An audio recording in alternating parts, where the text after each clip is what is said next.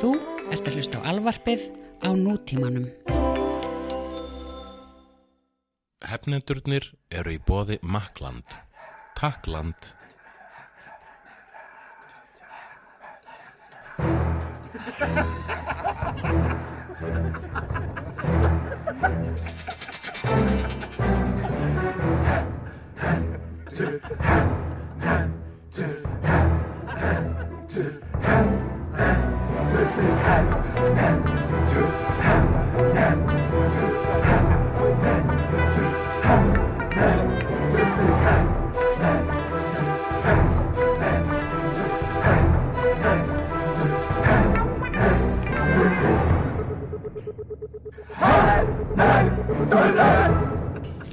Er gott að vera komin aftur. Já, hérna erum við, Sprella Live. Já. Já. Hvað, Hvernig eru við á lífi vegna þess að við dóum í síðasta þætti? það, það er náttúrulega deyringin í ofurhyggju hinni. Nei, það er náttúrulega engin, sko. Það, e, þegar að Superman dó, þá fór hann, ég ma- veit, ég man kom- ég man að komi sko einhverjir fjórir gaurar tilbaka, kom eitt svona vélmann að Superman, einn, uh, hann var vondur, ef ég man rétt. Ok, Svo var eitt svona stílgaur sem að setna var að gera kvikmynd úr og Shaq leik hann, það er eitthvað svona málm, super, þessi actual man of stíl, sko, með, með sleggju. uh -huh.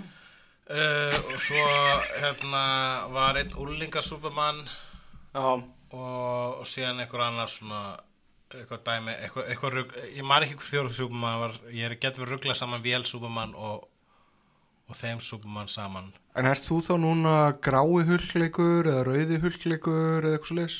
Ég sko, grái hulkleikur er sami og græni hulkleikur. Það er að grái hulk er sami og græni hulk en nema, þú veist, það er, það er bæði Já, ef- eftir minni bestu þekkingu. En, en rauði hulk, það er hérna uh, General uh, Ross eða Admiral Ross mhm, sem pappina Betty Ross já, sem að sko, ég las hérna Thunderbolts uh, comic þar sem að hann Admiral uh, General Ross það sem að rauði hulk basically já, var að uh, hann var alltaf óinu hulk svo hætt svo kom þessi rauða hulk saga sem ég veit ekki hvernig var en ég þekki bara eftirkostin smá sem er vist þannig að hann sá villur síns vegar og ákvaða að verða hetja. Hann, hann Ross. Og, og Var, hann- þá, var þá Bruce Banner hann var- dáin eða eitthvað svo leis með hann? Æ, ég, ég veit ekki. Ég veit bara að kom annar hulk. Ok, og hann var rauður. Og hann meikar svolítið að segja svo rauður er miklu meiri litur reyðinar heldur en græn grænni litur öfundar ef eitthvað er. Já, en hérna en málega er það að þegar að Ross er mennskur þá er hann með yfirskegg svo breytist hann í rauðahulk ú, og þá er hann ekki með yfirskegg og það bugs the fuck out of me. Góð punktur, líka hárgreislan? Já, þú veist, gamma geislar breyti ekki hárvegst, þú veist, þú, stró, þú veist, akkur strókast út þá- verður hann svo mikið hulka yfiraskeggið svona síg, sígst inn í efriföruna. En General Ross er líka, hann virkar á mig eins og svona hárugur Já, Þannig að hann gæti verið með Það eftir chest hair heldur hver- Bruce að- Banner. Hérna, hver er að leika hann, hvort það sé William Hurt eða hvað heitir hann hérna, hérna The Dude Abides, hvað, hvað heitir aftur svo leikari? Hvað er hann, Sam eitthvað Sam Shepard? Sam, Nei, Nei? Sa, uh, alveg dottuð mér Oh, Googla. Já, ég, veit það, en svona þú veist Þetta er- bróður hans Vaja Dörp Já, hann leik bróðar svæði dörp í hérna, henni dásalegu Tombstone þar sem Val Kilmer fór úr kostum Mhm. I got two guns, one for each of you Ok, hvað heitir hann aftur? Uh, Sam, ekki Worthington. Nei, eða Worthingless eins og sýstíðin vill kalla hann. Mm, takk fyrir að segja þetta fyrir í stað fyrir mig. Þetta er uh, Shit. Þetta er glæsilegasta er Þetta er náttúrulega glæsilegasta yfirvaraskegg í sögu hérna, kveikmyndana Já, ég var að undan að ymda þetta heldur þú. Já, þú eru örglega það. Uh, la, la, la, la, la, la, la. Hann heitir svo mikið sem Sam Elliot Sam Elliot Allavega, hann, þeir hafa hafa báða líkir Ross. Hvor fannst þið betur uh, General Ross um, Ég bara náttúrulega tek meira marka á, á Sam Elliot sem general yfir höfuð. Já, William Hurt, góð leikari. Góð leikari, vissulega. Frábær í uh, Altered States. Já, mér fannst það vant aðeins upp á skekkvöxtin Manst eftir Lost in Space. Ertu að menna bíómyndinu eða sjónvastáttunum? Ég, ég man ekki eftir sjónstáttunum sem ég sá ekki einn þátt af því en, en bíómyndin hún var svona hún var þegar CGI var til dæmis nýtt fyrirbæri og þau höfðu aðeins svo mikla trú á því þannig að þú myndir horfa á hann í dag þá var það líklega úreldasta mynd í heimi. Já, og það var líka mynd sem einhvern veginn gerði ráð fyrir miljón framhöldum en þetta hitti ekki mark. Ég er með óljósa minning á því að hafa séð þessa mynd Já. en ég bara get ekki staðið við það. Þetta var, það var, það var Joey var í henni og Heather Graham Já, og Gary Oldman. Shit Þetta er gott kast fyrir ég veit það, pældi í þessu kasti og engin mann eftir þessari mynd. Nei, kannski er það bara fyrir bestu. Þetta er eina af þessum myndir sem má gleymast. Danger, Will Robinson. Hérna uh, En síðan kom sko, svo, hann, Já, hann dó Og Mhm. svo komu fjóri falsbámenn. Það var svona hérna, sú, ha, Fjóri Ah, Superman. fals, fals supermenn Ok, og, En, en uh, einn þeirra var vondur Kannski tveir Ég man það ekki, ég las ekki söguna vegna þess að þú veist, það sagan af því þegar Superman dó var hræðileg. Uh, illa skrifað rusl en hún mun alltaf eiga heima í minni hillu vegna þetta er svolítið tímamóta saga og eiginlega upphafið af þessu uh, cash-in fyrirbæri sem er að drepa ofurhetju til þess að láta selja blöðin betur. En ertu búin að horfa á uh, Whatever Happened to the Death of uh, heit, heitir hún það? Whatever happened to, whatever happened to Superman lives. Superman Lives? já, já ég eftir að Nei, horfa á var það hana. ekki Death of Superman? nei, Superman lives. Ok, Já, hún átti ekki að heita Death of Superman þessi mynd. Hún átti að heita Superman Lives myndin hann sem að Tim Burton ætlaði að gera með Nicolas Cage. However uh, ha, Svo kom sko eftir þessa fjóru röngu Superman þá kom hinn sanni Superman aftur. Hann hafði Doomsday drapan og hann kom aftur með mullet ég veit ekki, hann hefði kannski fælt í himnaríkja eða eitthvað svona. Kannski var það einhver undirbygging fyrir Nicolas að Cage að taka hluturkið kannski var það einhver undirbygging á hálfu DC til þess að láta Nicolas Já, Cage taka hluturkið Nei, það var svo, uh, ég, ég, ma- maður þá var þetta löngu áður en að maður heyrði af þessari pælingu með Nicolas Cage sem bara hann átti mörgum samt að vera síðari Superman þar. Ha? hann átti að vera síðari Superman. Já, þeir hafa líklega byggt það á þessum múlett Supermanni sem kom þetta tilbaka. Já, en uh, uh, þeir, gerðu, þeir gerðu hann ekki síðaran til þess að undirbúa jar, jarðabúa fyrir hérna Nicolas Cage múlett Superman. Já uh, ég, ég er samt alltaf það að tröfla mörg, það er mörg ára milli til þess að það make sense. Ok, um, þannig að sko og svo þegar hérna á Captain America dó það, þú veist, ég veit ekki alveg hvað gerist með Superman hvort hann var á him, í himnaríki og þar bara svona sapnaðan í, hérna, í, í síta aftan. Mm. en hins vegar það var það um, uh, Captain, Captain America dó sem var mjög flottur mjög velskrifaðu döðdagi já, það var í miðju Civil War þannig Með, að það var sko eftir Civil War og endrisöld af Civil War en á sama tíma þá hjælt Civil War var nýbúið en það var sölt jú, það var svona aftermath ef maður getur sagt, en allavega ekki miðju Civil War. Civil War sögulinnar heldur sem áfram í Já, gegnum það dauða var ekki miðju Civil War. Já, já, ok, það heitir Death of Captain America en þetta er, þetta er samt í grunnatröfum en þá bara The Pangs of Civil War. Þetta er Civil War aftermath. Og uh, rétt skal vera rétt, það var ekki miðju Civil War sko. Ef ykkur misti saglisist í miðju Civil War þá var það Tony Stark. Vissulega. en hérna þá það var svo flott við þann döða að það var ekki gert neitt svona almennt úr því og það var, engin, var engin varaði við engin lesandi, það var ekkert auðlýst þetta var einfallega bara allt í hennu kom tímaritt kom tölublað með Captain America þar sem að endar á því að hann er skotin í bakið. Já, af leyniskittu og deyr. Þannig að þetta er ekki þess að glamur og stöðdagi.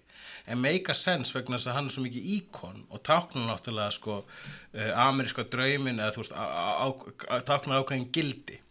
Táknar, táknar rauninni frelsi. Og það að það hafi frelsið hafi verið skotið í bakið og það var sérstaklega þeim tíma þegar þessi saga var skrifuð þá var þetta var þetta þetta er ekki ekki aðeins flóknar en það að hann hafi verið skotin í baki á leyniskittu var þetta ekki, þú veist, þeir held þetta að vera leyniskitta hann stökk í veg fyrir kúluna og það var alls konar alls konar svona Hans, dæmi. nei, hann var skotin í baki sko, ef ég var að spoila og maður ekki gera það? Það er svolítið langt síðan þess að sagða koma út. Já, ég held að þetta sé komið það yfir var spoiler heila territory. þvegin ástkona hans sem skoði hann í bakið.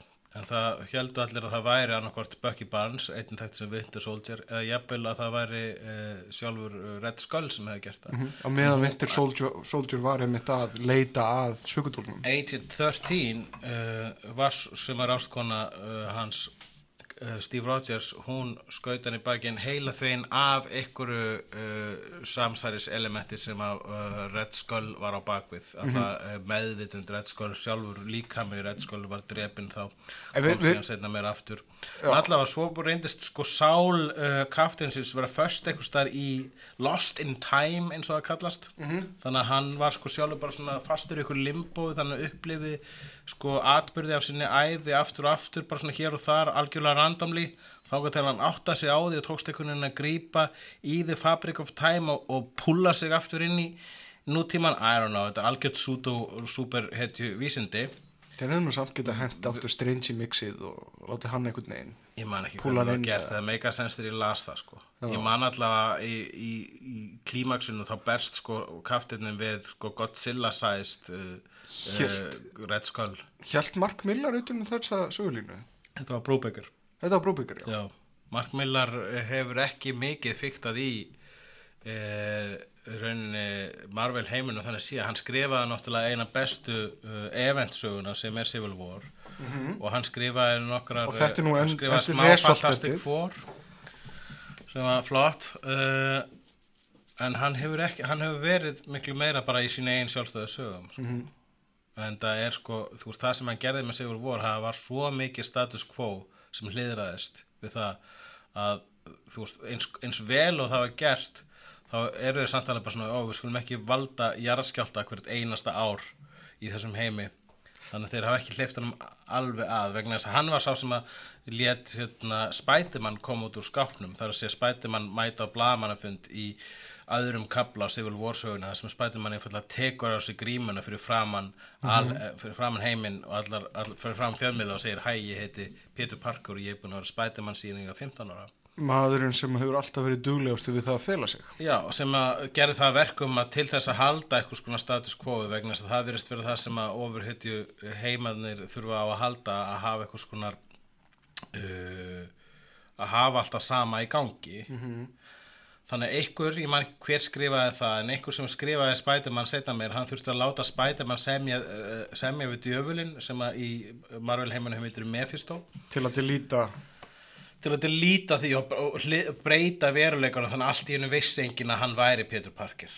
Ég mista alveg á þeirri sögu. Uh, skil þörfina að gera það vegna þess að hvað gerur við Spiderman þegar allir vita hver Spiderman er?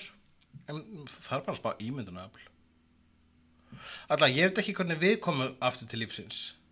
Gamma geislar uh, game geislar Nei, við erum sko við erum uh, hefnendur úr Klón? hliðstæri vitt erum við klón eða?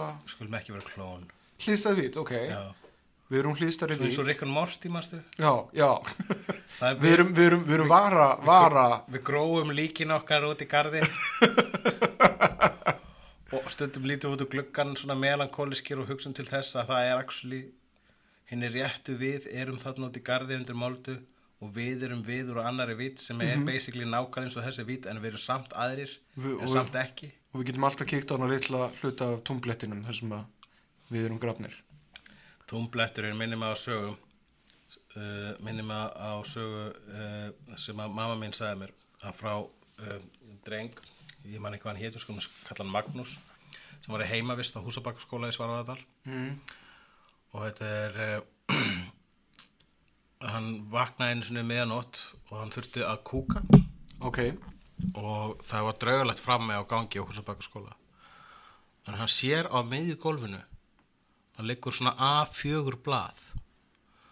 Og það er hérna, það, það eru þrýr aðrir aðilar í þessu, þessu, þessari heimavist eða allir þessu herbyggi og hann hugsa, ok, það mun ekki taka eftir ég bara svona, actually bara kúka og þetta blað brýti saman og hérna hendur út á hann- skrítin ákvörðun Já, en hann vildi ekki fyrir fram á draugulega gangin sko. mm -hmm. þú veist að hræðisla óttin lætu okkur gera fyrðulega hluti það, og það bara láð þarna gólfinu Já, lá bara hann, hann sá það bara svona láð þarna bara blað á gólfinu, af fjögublað A4 blað þannig að hann fer hva, hvenær var þetta? þetta var fyrir svona örgulega 40 árum 40 árum, Já. ok og hann eh, krýpur og, og skýtur bara svona alveg bara mjög hreinum fínum kúk.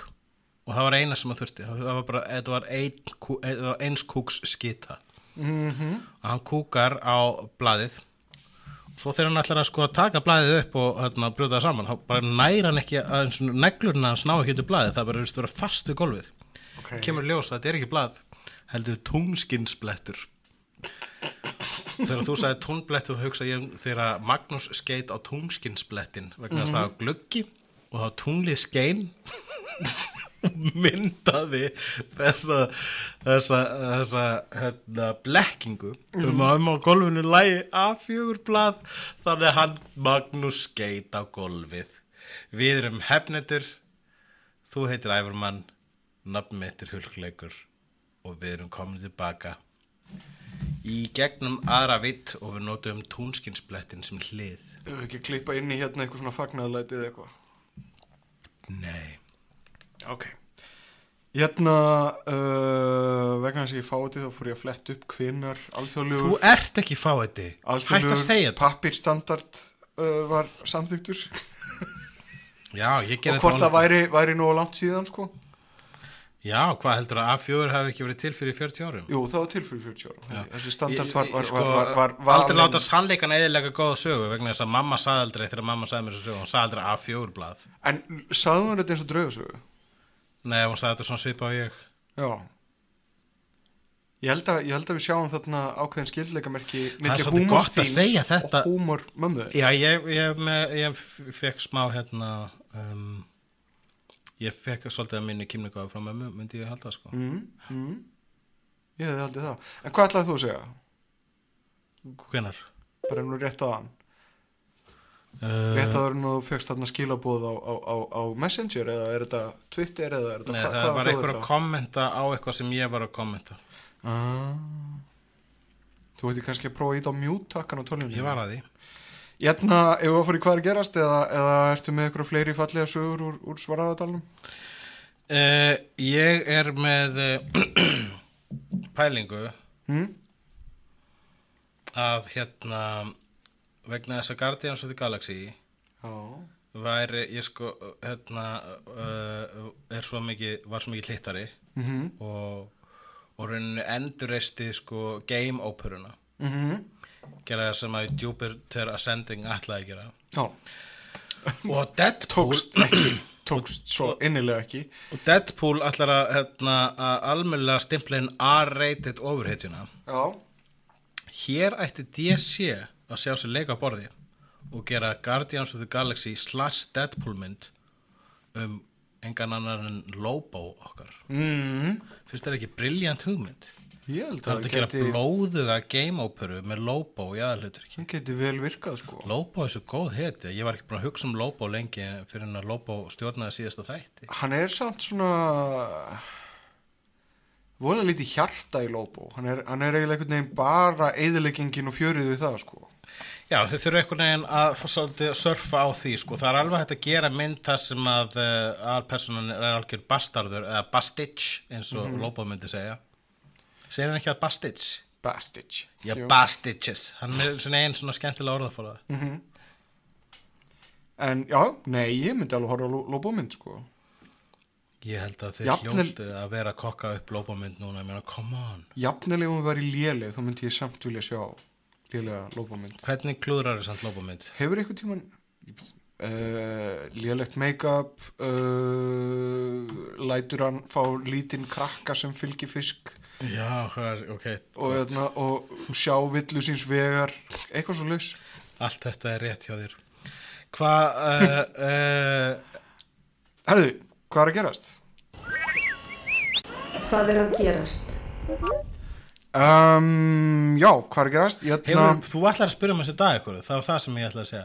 ætla ég? Þú varst, hefur þú, sagðir þú, Já. ætlar að spyrja um hvort ég hef lesið eitthvað lóbósögu eða eitthvað slegis. Nei, nei, Nei. ég man ekki hvað ég ætla að spyrja það fyrir þá sem við tekki ekki lóbó, þá myndi ég mæla með að fólk lesi bara lóbó eftir Keith Giffen, hvort sem hann uh, teknar það eða ekki stundum er það nefnilega Simon Bisley sem teknar það í þekktari sögunum í uh, Last, Last Xarnian bókinni og síðan bókinni sem kom eftir það sem heitir Lobo's Back Hvað er bæðið við að frétta af Simon Bisley?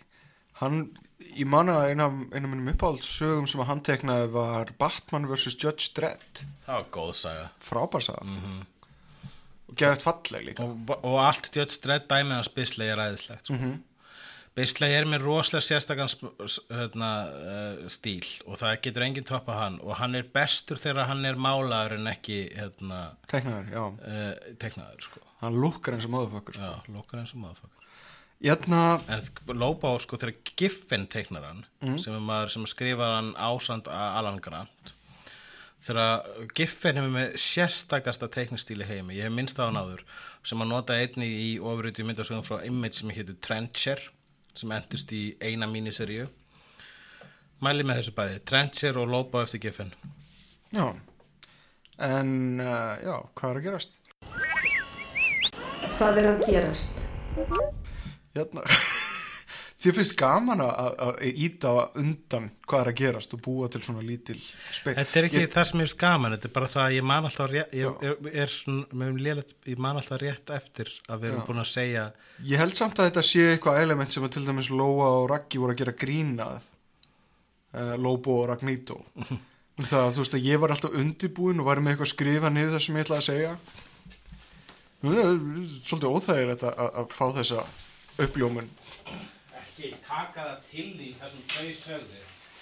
Þú ert ekki að tala í hljóðnumann Já, ég er að leita símanum minn ok, Ekki taka það til því það sem þau sögðu. Þau, eh, ég meina jú, jú, þau stóðu sig ágætlega ég er alltaf þátt, en- undirbúin en ég meina, þú veist fyrsta lagi, þegar þau voru að gera grína á okkur. Þegar þau voru að reyna að herma eftir röddunum okkar. Já, það var hérna þegar hann uh, Ragnetto Já. var að leika mig, þá var hann svona hérna ó, ég er hulli. Og þegar og þegar Lóa var að leika þig þá var svona ég, ég er ævar. Þegar obviously þá er ég með meira svona rödd og þú með meira svona rödd þannig að þau viksluðu röddunum sko. Nákvæmlega. það er ekki svona hert alveg eftir okkur. Og uh, svo vil ég bara taka það fram sko að reynir nú að muna titlana á myndasögunum sem eru að tala um. Mm. myndasagan af uh, um uh, köttin sem leysir mórgátur heitir Black Sad Ragnetto og, uh, og það er Alan Moore sem skrifaði Miracle Man upprunnulega ekki Neil Gaiman bara taka það fram. Hafið þið allavega þetta á reynu ég meina come on. Og Ríkor Mortis er ekki orðið yfir það þegar lík fá spasmaköst eftir dauðan reyndar það er það rétt hjá hann með Miracle Man. Hann, hann Neil Gaiman skrifaði fyrir hann í 1990s eitthvað með Mark Buckingham. Já, hann Alan Moore skapaði hann, hvernig getur þú hann, er skap, hann hétt uppalega Marvel Man og skapaði Já, já. 1953 og, og ha, ef ég svo svo drátt fyrir mér. Ég, ég, ég gæti hugsast að þú hafi rátt fyrir þér. En þegar mér- við tölum um þetta á, svona- áður en við fórum í þáttinn og þá vorum við að ræða þetta og þá sagði þú að ég hefði rétt fyrir mér. Nú er þú búin að láta mig nýðurlega mig fyrir framann alla. Nei, sko málið er það nefnilega að hann var revivaði 1982 af Alan Moore. En Neil Gaiman kom inn í það dæmi svona á síðustu stíðunum þegar Alan Moore var búin að fá nóða því. Þannig að báðir hefur- þú er tæknilega rétt fyrir þér Já. en hann hefur líka pínu tæknilega rétt fyrir sér. Mm. Þetta er svolítið eins og Xavier og eh, Magneto svolítið, sko. En Ríkor Mortis atrið er alveg 100% rétt. Já, alveg rétt. Það er þegar lík hreyfast eftir dauðan, þá kallast það ekki Ríkor Mortis, það kallast ég veit það ekki, bara eitthvað Eh, twitching death twitch eða eitthvað. Ríkor Mortis er allavega stjarfin sem að kemur. Þegar að líkið sagt stífnar upp mm uh, og síðan slaknar á vöðunum aðeins eftir það og já og, en Ríkor Mortis er svona milli ástand stífleiki í líkum stífleiki. Nafnum til stífleikur. stífleikur En, en Ríkor Mortensen brandarinn sem að einhver sagði var að lóa Auðvitað. Lóa, auðvitað lóa uh, Hann var heldur góður Nei, vegna þess að mér finnst það skemmtilegt vegna þess að einhver tíma sagði Lóa við mig og hún hatar orðaleiki og þetta var geðveikt fallegur orðaleikur.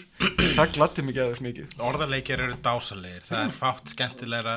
Or, Þegar maður segir góðan orðarleik þá segja allir í herbygginu Ó, eins og skora Já. Saman hversu lélegur orða, sko, orðarleikur er svo pjúra útgáfa á þúmór mm. -hmm.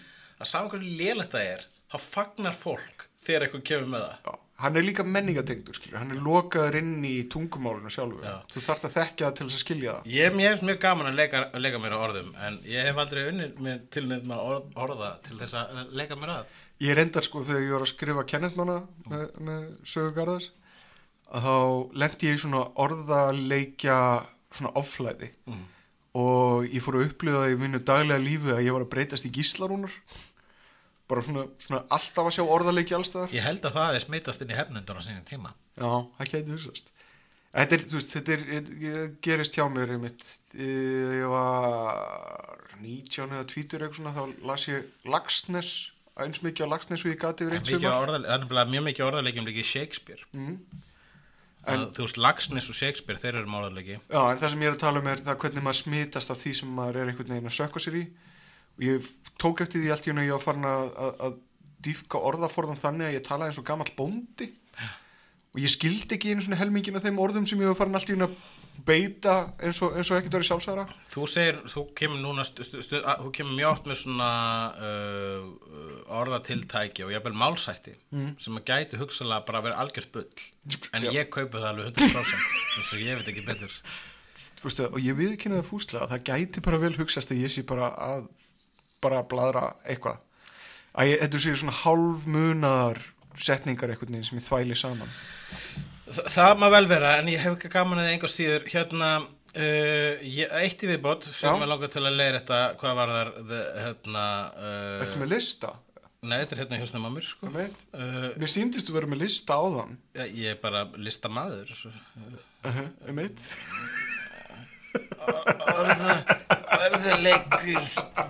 Örðuleikur um, Þá sagði Lóa að hún var að reyna að forðast að að hlæja að sjálf, af eigin bröndurum vegna þess að hún, hún sagði það er ekkert mér á, hún- ég veit ekki hvernig hún orðaði það en ég er ekki kvotana beint en hún sagði eitthvað þá leið að það er ekkert mér óþólandi en fólk sem hlæra sinni eigin bröndurum. Mm -hmm.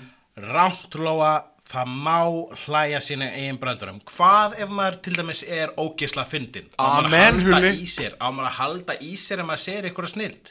Við erum alltaf að hlæja okkar ég veit að það er gaman. Já.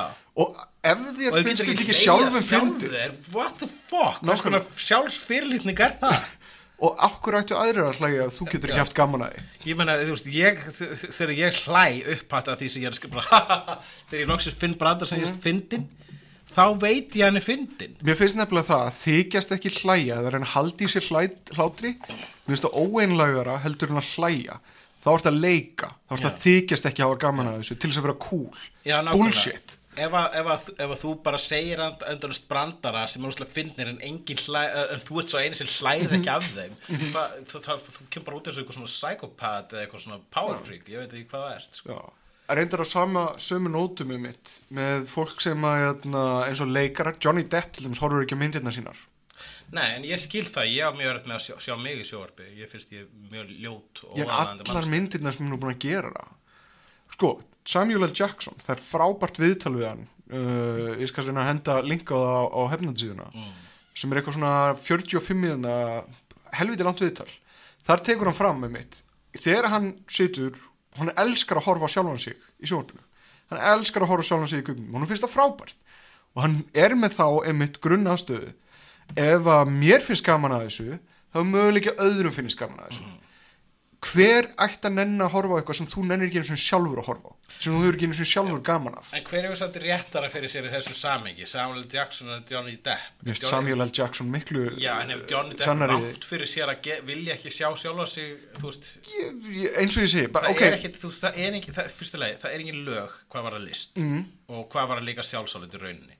Þannig að þú veist, ef að þú vilt ekki sjá þig á risutúru bíótjaldi, I get it, vegna þess að það er óþægilegt. Mér finnst óþægilegt að sjá mig á sjóaskjá. ok, Uh, og hérna, en hins vegar, að vera maðurinn sem bara vill sjá sig og bara elskar að sjá, sjálfa sig vinna og svona, og Samuel Jackson sem hefur kann að meta sitt e, e, framlag til kvikmynda, það er líka gott. Mér að finnst hvort eitt betra en annar Mér finnst það að hafa ánægð því sem þú ert að gera sjálfur. Já, að það Mér að merkjum það að þú sért að gera eitthvað sem getur höfða til fleiri heldur en þín. En Það er ánægjan yfir því sem myndir- smitast. hvort myndur þú frekar vilja vera Samuel Jackson og Johnny Depp? Samuel. Jackson vera svo að vera 70 Já, ég meina, við erum samt að tala um að maðurinn er búin að lifa helviti fínu og áhugaverðu myndur þú lífi. vilja vera fyrirvægandi kókain fíkil edru að vera 70 gaur sem leikur í annar okkur mynd sem kemur út? Já, skárin Eins og að vera Sonny Ted 50 tvö, núverandi kókain fíkill í downward spiral eftir skilnað.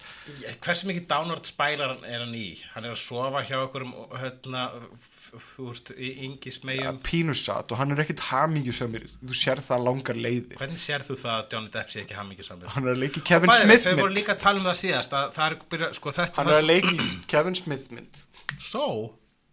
Hann er bara, hann, sko rauninu það er mjög lítill munur á Samuel. Jackson og Johnny Depp. Annað það að Johnny Depp hann vil helst ekki horfa myndina sínar, það þýðir ekki að hann kann ekki meta myndina sínar, það þýðir ekki að hann hefur ekki gaman að þessu, hann er greinlega mjög gaman að þessu. Já, hann hefur greinlega gána því að leika hann, hefur, hann horfir ekki myndina sínar Nei, já, ég, ég skil það. Finnst þér, þegar þú sér þig á sjóská hann ætti, kannski, að horfa svolítið á myndina sína svo hann muni eftir því að hætta að endur taka sömu mistökin aftur og aftur Leik, aftur og aftur með hún Tim Burton í, e, þú veist trúðslegu gerfi Þú veist, þetta er bara við áhörundurinn sem eru að segja svona Oh, please, Johnny Depp, gerði meira sem ok, við viljum að þú gerir. Já, Hann er bara að njóta fokkin lífsins. Hann á eigu í Karabihafinu þar sem að fer alltaf þegar hann ekki að leika og er þar að reykja og drekka rauðvin Hljómar er svo awesome líf. Hann kann að lifa lífinu og á sama hátt og Samuel. Jackson kann að lifa sínu lífi. Bara þeir lifið ekki eins þannig hversna, er, hvern, hversna hefur ykkur annar þeirra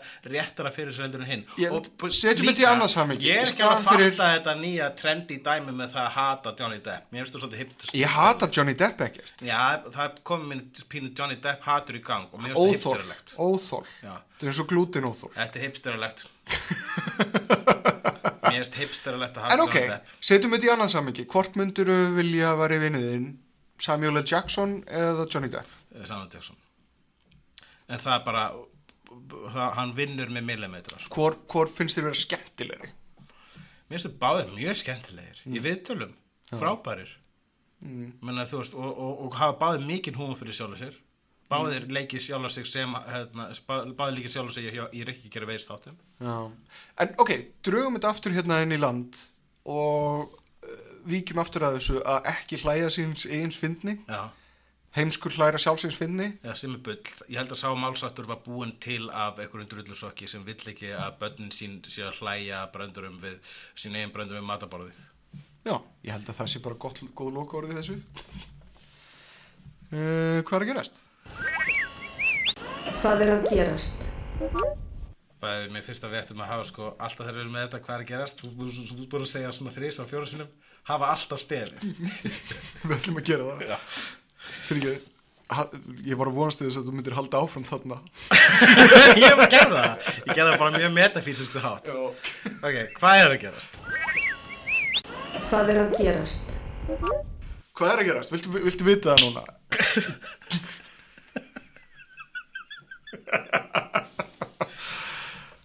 ok, ertu tilbúin? ég er aldrei tilbúin Já Hörðu, Shane Black fættist ótilbúin Shane Black uh, er með Predator sequel. Shane Black? Já, hann er að skrifa Predator sequel. Ok. Og uh, það er búin að vera eitthvað litla fréttræði hann, hann var með þetta á Shane listanum Black yfir- náttúrulega fyrir þá sem ekki vita lék í fyrstu Predator. Mhm. og uh, setna meir varð mun frægari fyrir það að skrifa handrit. Og hvað myndur þú segja að veri topp 2 handritin frá Shane Black? Lethal Weapon, Kiss Kiss Bang Bang ég myndi segja Last Boy Scout og uh, Iron Man 3 Nákvæmlega, þú getur haldið áfram að velja vegna þess að öll handritin eru frekar solid hjá honum. Já. Hann bjóð til hún nútíma action já, Kiss Bangan góð, en hérna, já, hún Besta- eiginlega best, já, besta rétt, hans. Hann leikstýrir henni líka Long sjálfur. Kiss Good Night, maður. Já, mér fannst hún ekki jafn góð og, en og, og í hún er góð. Það er mikið af góðu stöfi í byrjunni en síðan á- svolítið fellur hún, fellur hún sjálf á sig sko. Já, það er gott action í Ég held að Renny Harlin sem ég hef ekki mikið, miklu mætur á Nei, hafi svolítið rústa því. Mm. Cutthroat ég- Var Cutthroat Island svona slæm? Já, hún bara floppaði og Já, hún floppaði en var slæm. Hún var svolítið leiðileg, já. Ég, og Hún ég náði hef að gera sjónarningja frekar döll og leiðilega En er, ég veit ekki, ég hef heyrt tvær sögur af þessari mynd. Mm. En ég hef ekki síðan að þannig ég hef ekkert um það að segja. En Shane Black er að gera Predator framhald. Mm. uh, Sjálfstætt Predator framhald. Og hann ætlar að gera semst Predator 3 uh, Nice. Framleiðandinn Við erum að tala um þetta Ég elska það að hann skildi vera að taka þetta að sér eftir Iron Man 3 þegar hann getur valið hvað sem er Nákvæmlega, og hugsaði með sér hm, ég held að þessi mjög teika þessu. Hann er örglega með það. Já, framleiðandinn að þessu hann barðist við fyrsta predator Hann var drepinn af fyrsta predator. Nákvæmlega, það er kannski komin tími til að hefna sín. En framleiðandinn að þessu hann var að surfasa og tala um skilur, þú veist, þetta er ennþá í bígerð þetta er ennþá á góðri siglingu. Ég er búin að vera að fá að lesa smá brot á handrutunum og þetta er fucking snild tekið á þessu fucking snild sem er, þú veist, eitthvað sem að jæna, framleiðandur vanlega gera. En þessu tilfelli, þá tekið það alvarlega vegna þess að Shane Black er að skrifa þetta með Fred Decker sem að skrifaði Monster Squad með. Já, Monster Squad þarna krakkamyndin. Já. Hún var ágætt mm Þannig að það stefnir allt í helviti þétta. Sko, þú veist, miður það hvað til dæmis Iron Man 2 var svolítið leiðileg og Iron Man 3 var frábær það gæti Shane Black verið að gera eitthvað svona trend að taka þriðjumyndir í seríum og, og, og, og, og pumpir up. Já, já ég held alltaf að Shane Black hann algjörlega á Hollywood vélina sko. mm ekki það Predator 2 var eitthvað léleg? Nei, Predator Predator 2 var ekki léleg uh, og nei, ég myndi að ég, Predator 2 er pínu gleimt snild og vanmetin snild, sko, ekki alveg snild en hún er það ekkit var samt svolítið frábær. Ég er svolítið samanlega, ég var að ræða þetta við sýstu minna eitthvað tímann, að ég, ég svona bara ég vagga á milli 1 og 2 mér finnst það báðar jafngóðar sko. ég held að það sé bara svolítið sangjart mat vegna þess að þessar tvær myndir uh, eru svo rosalega mismundi, borg versus skóur Já, uh, mjög rökrætt og, og, og gott skref og sérstaklega líka að gera það, þegar af tvö er allt öðruvísin eitt það er alltaf pluss í minni bók. Og þú veist uh, Danny Glover sem aðal einhvern veginn protagonistinn flott einmitt þessi munur þjálfaði hermaðurinn þreytta löggan. Já, og náttúrulega Bill Paxton sem að enginn er jafn góður að leika óþólandi gaur á hann. Mm hann er pínusnillingur í því og það er eiginlega orðið bara svona það er, hann er, hann, er, sko hann tekst að leika óþólandi gaura á viðkunnarlegan hátt, hann er algjör mótsögn. Já, Paxtonin okkar. Uh, þú, en talaði um, þú myndist á Iron Man. Mm. um, vegna þess að vorum að tala um framöld sem eru hérna, ólík f- fyrstu myndinni. Það Iron Man 2 var einmitt mjög gott dæmi um sko, framhald sem er alveg eins og fyrsta myndin. Já. það var eiginlega sko vegna þess að rauninni finnst mér Iron Man 2 ekki slæm. Mér finnst bara leðilegt hvað hún er alveg eins og eitt. Já, bestu atriðin í báða myndunum eru, veist, eru þau atriðin sem eru ekki aksjónatriðin, sem eru sko mannlegu sögurnar, því að það er það sem er ein, það er eina, það er eina sko sagan í þessu, það er eina þarna, continuity, það er eina sem að aðskilu myndirnar Man 2 samt, veist það var einhver, einhver Jón faktor í henni. Það Em, er hvað sagði, Jón? Jón, Jón, Jón, já, Jón. Jón eins og, eins og Gisp Það er bara Jón Jónsson, veist. Maður- Ef maður myndi hata Jón Jónsson. þú ég- réttið þess að droppa ykkur í bombu þarna Ég, ég gera það ekki. Eh, Þú veist, ég hata ekki Ég Jón sett aldrei, já, ok, Jón sorry, Jónsson sorry. er, er mjög myndalegur og, og a- a- aðlaðandi söngvari og, fallega rödd og, og, og vafalust góður uh, hérna, lagahöfundur en ef maður vil dissa hann Mm. þá er þetta að kalla hann Jón Jónsson Ég, ég meina þú getur voðalega lítið dissaðum vegna þess að þú ert nú, nú þegar búin að kalla hann og bróður hans mjög indislega gæja og, og, og, Já, ég hef gert og- það í já, hefnindum já. já. Ég veit að ég er líka að reyna að komast inn í hérna, stöð 2 elítuna sko. Ég er samt sko, ég er eila pínu. með svepp á hinnum Ó. Sveppir fylgdi ég, já. Uh, er Fluttur út eða eitthvað. Fluttur út til bandaríkina já er það? Já, já ok. En ég hérna, herðu Fleiri fréttir uh League of Extraordinary Gentlemen rebootið. Sem ég verið sjóastættir það ekki? Nei, kvikmynd. Kveikmynd, Er ennþá í bígerð. Ok. Þú ert ennþá á mótið Auðvitað. Mhm. uh, En ég lendi í smá svona Smá svona misfellu uh, Gagvart því. Misfellu? Já. Uh, vegna þess að uh, framleiðinu af því voru að tilkynna það að þetta verði mjög kvenna miðað Það er skrítið, það er bara eiginlega ein kvenkinn persóna í þessar Já. myndasöðunum. nema þú kannski skoðir til dæmis Century 1910 Já, ég eftir að lesa þetta nýjasta. Já, þar sem að jæna, dóttir Nemo Kaftins Já, akkurat. Jú, ég Um, reyndar að byrja að lesa eina sögur þegar hún er að berjast gegn þegar hún er að berjast gegn nasistum eða nasistunum úr Charlie Chaplin myndinni mm. The Great Dictator ok úr Tomalíu sem er ímyndaríki Já, ég er endur að vísa í 1910 þar sem að, jæna, þar sem að hún gengur inn í þrípenni opera. Já, túskildingsóperuna og, jæna, og sem var blandast saman við Jack the Ripper og, og mikil eðlenging sem fylgir henni. Já, ok. Þannig að, já, ok, aðteglisvert Ég held samt að ha- þeir hafi ekki réttin á því. Nei, Þannig að ég er mjög forvitin að vita hvort þeir allir bara einfallega aftur að hunsa það hvað er gott við líka Extraordinary Gentlemen sem eru skrif Alan Moore og, og, og hugmyndaheimurinn á baku það og bara einfallega búið til nýja karakteri eins og Tom Sawyer ég veit ekki, þú veist, ef þú ert að fara að taka, sko, ef þú tekur sko bara, verður mjög faithful Alan Moore sögum, mm. sama hvað sem margir kallpersonur í því, þá er sögum þannig að oftast mjög feminískar mm. þannig að sko, meiri segja uh, Mína, uh, mína, Mína Harker sem er, frábær. algjör strimpa í þessu liði á yfirborðinu á yfirborðinu, þá er rosa feminískir undirtónar í, í sö- sögun ef ég maður rétt Já, hún er, hún er alls engin, engin strimpa í aksjón, skilju. Nei. Hún stjórnar liðinu, hún er harðar en því flest, en flestir hinnir, sko. Hún heldur hópnum saman og hún er svolítið heilin að baka operationu og hún gengur, er gegnum gangandi þráður í League of Extraordinary Gentlemen heiminn. Mhm. Hún og, jæna, og hann, hann að viðmaður. Ég er þá þegar þau tala um það að þau ætla að hafa þetta kvenn með þau eru það bara ekki að tala um að fókusa á hana Já, ég það er allan að skára eldur en vampíru útgáðan sem var í þessu ömurlegur, ég horfði á hann aftur, tjúsi skítur. ekki horfða hana aftur síðan og horfða hana aftur síðast Nei, nei, Nei, ég bara, ok. ég bara, bara fekk aftur Ég flashback. get alveg trúið til þess, þú ert svo miklu svona, svona sjálfstorsimingar, refsi, sjálfsrefsingar, hvað það kemur að horfa. Sjálfspínsl, sjálfspínsla Hvað voru að tala um áðan sem þú horfður á sem að var ekki gott? Uh, Fantastic Four Rise of the Silver Surfer. Tölum það eftir. Herðu, síðan er ég aðna NBC staðfestir það að sína reboot er í gangi. Hæ, sí? sína Warrior Princess. Já, Zina. uh, engin Lucy Lawless í því en, en Nei, nei, Lucy Lawless er samt á fullu að leika í ymsu öðru. en já, ok, sína reboot. Horfður einhvern tímann á sína Nei, ég hef eng, engin, uh, enga tilf, ber enga tilfinninga til hennar, sé þekki ekki neitt.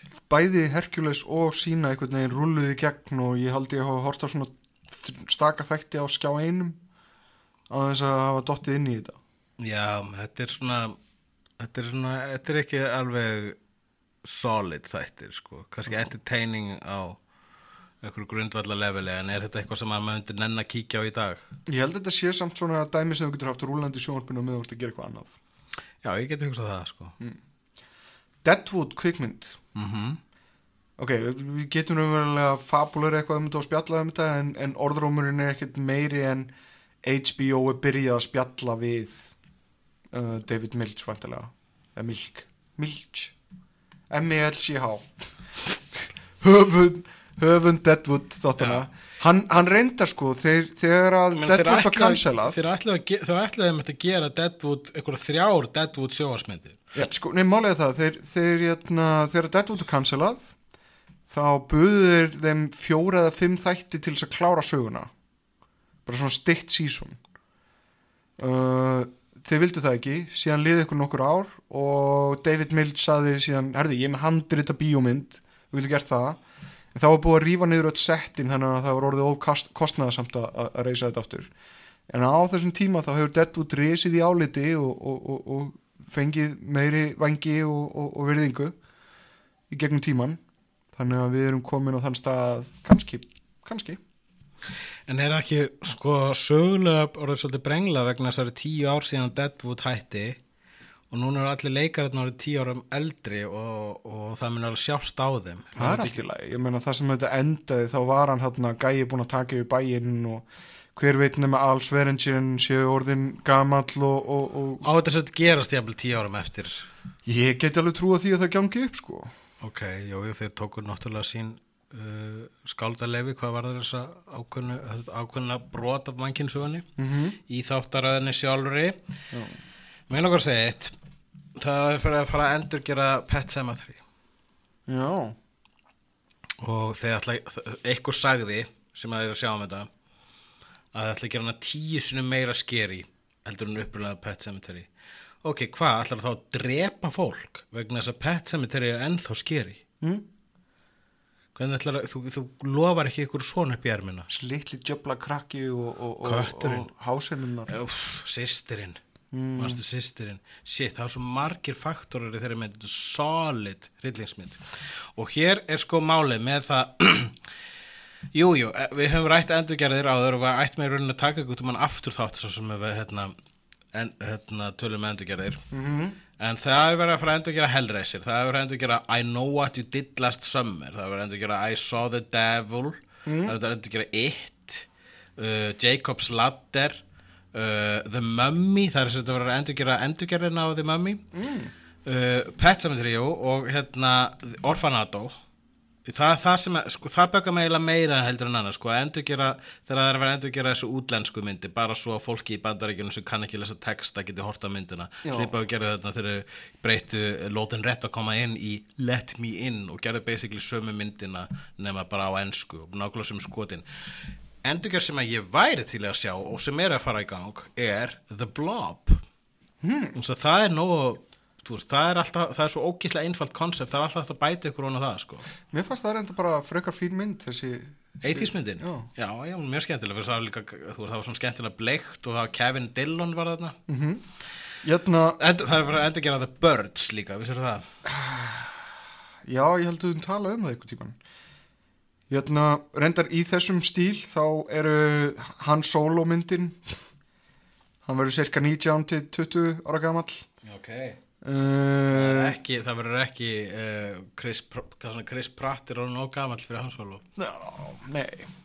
Uh, Bad Boys Hann er 3 og hvort er að 4 leika Hans Solo í Guardians of the Galaxy? Hann er Han, so Han Solo. Hann er ný Han Solo, við eigum bara einfallega að virða það og vera ánæði með það, ekki að reyna að trúða hann í ykkur önnur föt. Ég segi það nú. Mm, Já, Bad Boys 3 og 4 er á leiðinni. Hversu ekki bara þrjú? Gerum bara trilógi, svo ég geti talað um þetta í trilógi. En Bad Boys 3 og 4 uh, það tala um það að Phil Smith eftir að framleiða hann ekki vera með. Ekki leika í þriðju? Nei. Ég vil sjá Lawrence og, og Smith saman í eitt skipt viðbót allavega. Mm. bara til að búa til þessa þrennu. Kannski er þetta svona Pass the Torch mynd? Nei, þú ekki þannig Síðan er Dolph Lundgren að skjóta Kindergarten Cop 2 Já, ég legg mína blessin yfir það eins og örgulega allir sem hafa eitthvað að vita í kollinum. Síðan er Lion King framhald í vinslu Það verður TV bíómynd sem á, á síðan eftir að leiði í sjónserju Ok. Já. Mér finnst það eitthvað svona óþægilegt við það að ég myndi að renna yfir þetta að þetta er allt saman endurgerðir, framhöld continuation, það er ekkert frumlegt þarna Í það er svolítið tíminn sem við lifum á sko, við annarkort sko, það er mjög fátt í alltaf virðist af yfirborðinu virðist vera að bíó alla allt sem við sjáum er annarkort endurgerðir eða adaptation eða reboot eða reimagination eða svo framvegs það er mjög fátt sem er alveg nýtt. En hins vegar það sem að sko það sem að hérna, stendur upp úr er alltaf það sem er nýtt. Ég held samt að við þurfum einhvern veginn að stála okkur gegn þessu og hætta blúsum þetta vegna þess að þetta er ekkert að fara að hætta. Þetta er ba- Ég- bara að já. fara að bæta eitthvað. Við, við, erum við samt að blúsa? Erum við ekki bara að benda á þetta? Ég er hann pínu blúsaður. Já, ok. Hvað er það sem blúsaði mest? Hvað af öllu þessum endurgerum, öllum endurtekningum eða rebootum Hvað er það sem að þið bara svona uh, lætur þið mest vera svona Æ, getið ekki, please, fundu upp eitthvað nýju? Ég heldur bara óska að þið myndu láta líka Extraordinary Gentleman í friði Ég vil ekki að þetta fólk komi nálægt þessu. Bara farið þig Já, en það versta sem getur gerst er það að hún verið léleg og þá áttu þá alltaf bækurnar. Já, er, já alltaf það- bækurnar, þær eru þarna alltaf. Eins og þegar Robocop sem er heilagt fyrir mér Já, þegar Robocop endurgerðin mishefnaðist þá hlakkaði í mér Mm. vegna þess að þá var gömlu myndinni borgið. Já ertu að meina það að það sé ánægðis sem þú farið úr þessu, að, að, að, að sjá þetta falla raskatið Ég, ég er bara, þeir eru svo silver lining Á hvað ertu að glápa? Uh, ég horfði, er búin að horfa úslega mikið á Star Trek Mhm. og uh, þar var uh, einn þáttur þar sem að birtist allt í einu sko hérna uh, vulkani sem að er aðs, svona hérna uh, aðstofar maður að læknisins á, á Enterprise þessi vulkani heitir Dr. Selar ok, og uh, er leikin að einhverju konu sem að er óbúslega sæt mm? þannig að ég var alltaf skotin í þessari konu menn ég var að horfa á Star Trek það var bara svona, þetta er sætur vulkani Dr. Selar sem var leikin af uh, Susie Plaxon. Og ég bara vonandi kemur Dr. Selar aftur en það gerist ekki. En Susie Plaxon kom aftur í, bara setna meir í Star Trek sem ég er að horfa á. Uh, þá var hann að leika klinguna já. Sem var ekki jafn aðlaðandi ef ég á að segja eins og er þannig að þar uh, ofurbyrjast fordómar mínir, kynþóttar fordómar mínir innan Star Trek uh, veruleikans. Mér þykir vulkanir meira aðlaðandi heldur en klingonar. Ok, jafnvel þótt þessi tiltekni klingoni þessi leikinn af sömu leikonu og, og leik vulkanin og leik vulkanan. Var hann jafn sæt og hérna T'Pol í hérna uh, Star Trek Enterprise ég myndi segja hans að sæta hann til Paul en Star Trek Enterprise já.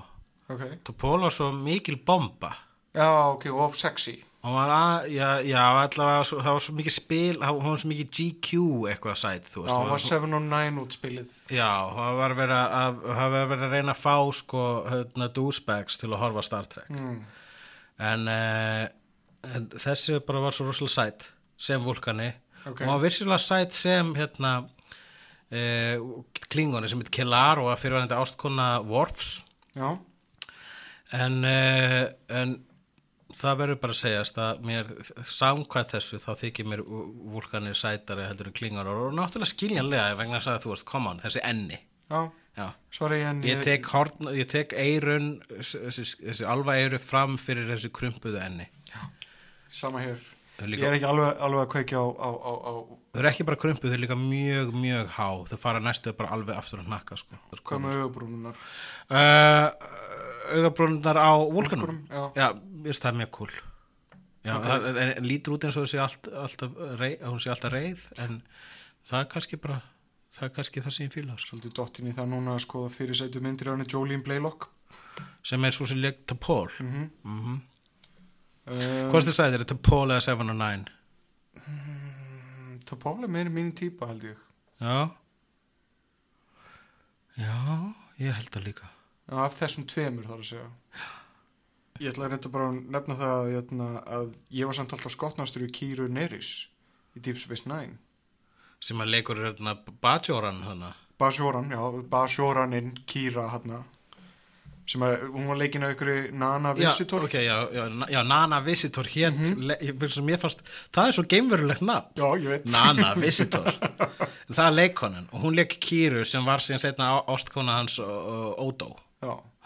mér fannst hún, ég, ég var alltaf skotnastur Þér, í þú, henni. var, ég, þú var sagt mér þetta mér fannst hún aldrei sætt já, ég haf miklu hrifun að Jatsi og Dags ég var bara hrifin á ákveðninni hjá henni og svona auðvitað skinnfæti skinn hérna, skinntætt costume fitting hérna það hjálpar skintætt í Star Trek En á samaskapi þá, ég veit það ekki, þá persónleikin hennar sem ég fílaði. Jatsia sem var raunin var svona, með svona symbioid Já, og, og, og, og kafteitnin á Deep Space Nine kallaði hann alltaf Old Man vegna þess að hann þekkti Jatsi þegar hann var þegar hann var annar kall mm, ekki mín típa.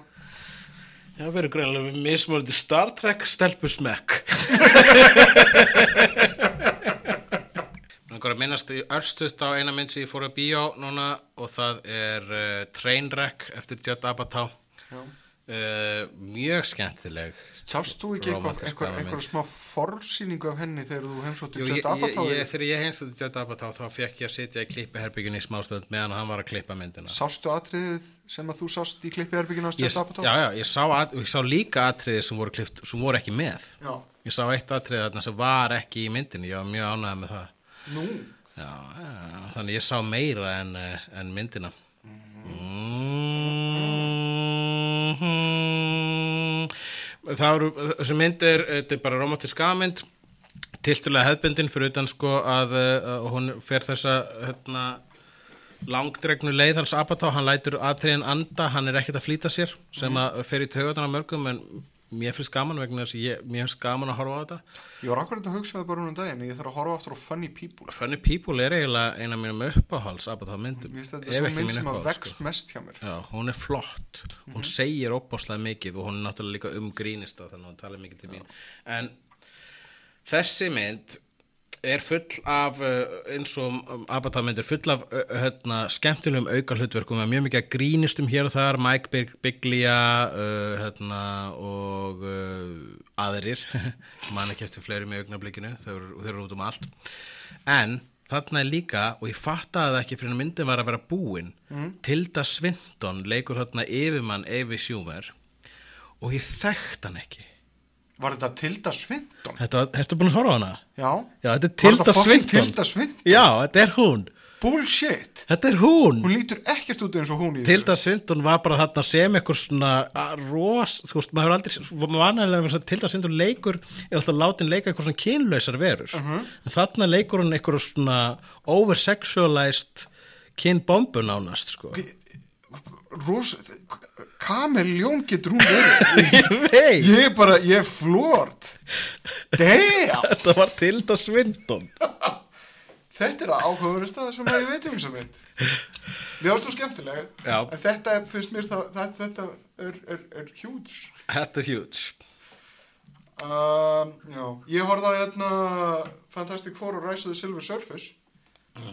Silver, Silver Surfer Surfer. Sæði Surfer Þú sagði Silver Surfers. Já, sorry. En er Takk það ekki bara hluti af, af uh, málumni dagsins? Jú, Jesus Drastl Málefni dagsins. Ok, til þess að svona gefa þessu eitthvað samhengi uh, með það að horfa á Fantastic Four Rise of the Silver Surfer. Við fórum saman á Fantastic, Fantastic Four uh, Veistu þetta hvað? Já, núna ekki fyrir svo löngu. Ok uh, og ég var fyrir miklu vonbröðum með þá mynd. Uh, og ég var, ég var Já, bara einfallega, ég ég- þurfti að fá staðfesting á því hversu slæmar myndirnir á undan voru. Við vorum sko, þegar við töluðum með Fantastic Four síðast þá var ekki skollin á þessi flóðbylgja af Fantastic Hatri Já, eða allavega sko svona, já, allavega þessi, neik, þessi neikvæða gaggrinni var ekki orðin eh, eins uh, áberandi hann núna. Josh Trank, leikstjórin, var ekki búinn að uh, hafna myndinni ópenbarlega sem hann enda dróð síðan tilbaka en uh, bara með til því að- fela tweetið sitt. Mér finnst hún verri heldur en mér fannst hún síðast við tölum um hana. Hún versnar. Hún versnar í hausnum. Og ég er eiginlega komin á það að Tim Story myndirnar eru betri þær eru drast þær eru er- rosalega mikið drast ok, þannig að, en hvort er verra? Bara Tim Story eða Joss Trank? Sín, Ég- ég... verri sín ég ok þær hafa báðar kosti og galla. Það er kostirnir í Tim Story útgáfunni er það að búningarnir eru litríkir uh, þau eru lélugur þing. Það er allt saman lélegt við þetta. Þetta er bara lélegt, lélegt drast. Sorry en Roger Corman myndin er eiginlega skásta byrtingamyndin sko, Roger Corman myndin segðu aðeins hvað það er. Já, sko rétt hafi uh, Fantastic Four kvikmynduréttarins komst að því semst að hann var að missa hann hún er búin að vera hjá Fox allan tíma var hann búin að vera hjá Fox ég held að það hafi verið ykkur annar sem átti réttin sem að seldi síðan eða framseldi hann til Fox. Ok, það er hver, hver sem átti hann uh, bráða það ráð að láta Roger Corman fram, hann leikst þér en ekki. Samningurum var að renna út og það var ykkur regla með samninginu og þú þurftir að skila af þér Fantastic Four mynd á innan við sjö árum annars rinni rétturinn aftur til Marvel. Þannig að það var bara hend, he, þeir hendu ykkur um hundra ásköllum í það að, að, að framlega mjög ódýra útgáfu af, af Roger Corman sem er náttúrulega meistari low budget kvikmyndagerðara uh, hann gerði þá mynd og hún var sínd einu sinni í bíó til þess að uppfylla samningin Var hún sínd í bíó? Já, einu sinni Já. og jötna, til þess að og síðan var hann bara sett niður í einhverja kistu, einhverja glatkistu Já, við sáum þessa mynd Já. og hún er alveg uh, phenomenally slæm. En samt svo skemmtileg. Já, hún er, málið er það að við tökum, uh, uh, núna eru til fjórar Fantastic Four bíómyndir, leiknar. Fyrsta er þessi mynd frá 94 sem var bara gerð út af svona skattasvindls ástæðum apparently, eða allavega eignaréttar ástæðum og enginn átt að sjá hana. Pælti því hvernig er að leika í þeirri mynd og, og það vissi það enginn, ekki eins og leikstjórin vissi Nei, bara við erum að gera snild þessi mynd myndi ekki verða neitt. Og bara, vá, þeir bara eru úksla sáttir við allt sem við erum að gera hana framleiðindinu svo framleiðindinu var alveg sama vegna þess að það átti ekki að gerast. Við sáum þessa mynd og hún er, hún er skemmtilega því leiti að hún er rosalega slæm. Hún er, mér finnst hún samt vera ég held hún sé í rassvasanum hjá okkur fyrir eh, tíman skulum sjá til. Skulum sjá til, hún er ekki til á, þú veist, það er búið að vera að eyða öllum útgáfum, hann er bara til í hérna, sjóræningja uh, interneti gleymir aldrei. Já, interneti, en hún er til rosalega slæmum gæðum bara, sko. Já. Það, ég held að það samt sé ekki kom ekki að neittni sög sérstaklega Nei, nei, þetta er bara einhver Vaffa OS kópía sem hefur verið uh, sett á Ég digital held format. af, af öllum fjórum Fantastic Four myndunum ef ég ætti að velja eitthvað til að horfa núna myndi ég velja þessa útgáfu vegna þess að hún er skemmtilegust. Mhm. vegna, af öllum raungum ástæðum. Ég nöyt hennar. Og svo komu þessari hinnar myndir uh, sem að voru á já, komu á þessara öld væntalega eftir að, var það ekki 2003 eða eitthvað? Hvenar, hvenar er þetta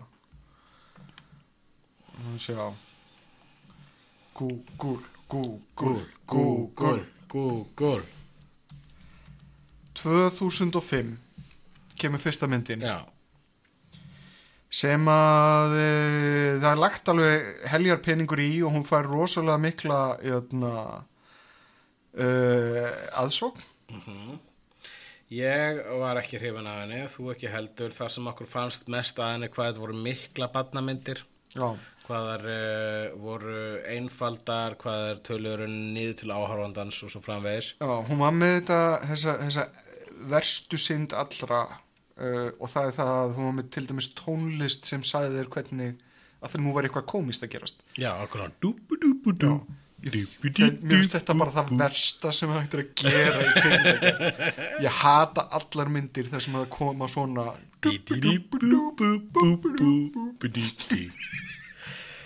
Já, en hún, þessari mynd gekk vel vegna þess að hún fekk framhald sem var Fantastic Four The Rise of the Silver Surfer. það var vegna þess að allir voru spenntir að sjá Fantastic Four mynd. Og síðan bara einhvern veginn kom þessi lortur og skjáin Já, en hún sveik samt ekkert mjög mikið Fantastic Four vegna þess að hún er sko hún er uh, já, allavega meira eins og Fantastic Four Comics heldur en þessi nýja já, já uh, ok, Dr. Doom leit og það er einmitt þessi litriku búningar sem ert alltaf svo hrifin af Dr. Doom leit næstu því út eins og Dr. Doom á að lít út mm. um, Johnny Storm Já, ég myndi segja að Chris Evans hafi uh, verið svolítið með stöngin einn hvað var að Johnny Storm hann, hann, bara hann neldi það, ég er alveg á því að þetta, þetta, þetta er bara fullkomin byrtingamind mm Johnny um, Storm er douchebag og, og Chris Evans leik douchebag. Mm Mhm. ég held að Chris Evans sé pinni douchebag. Ég held að pínu líka. Nei samt ekki, hann, var, hann, hann og Hailey Atwell eru mjög góði vinnur til Captain America og Já, hann ok. tók þátt í þarna dubsmashinu. Já, Hailey Atwell myndi náttúrulega aldrei vingast við douchebag. Nei, Nei, það er rétt hjá þér. Hail Hail Hailey Hail Atwell Hail Atwell Djöfus. Við verðum að nota tækifæri fyrst að vera minnst að Hailey Atwell og allir sem hafa ekki tjekkað Agent Carter þáttaröðinni tjekkið á því.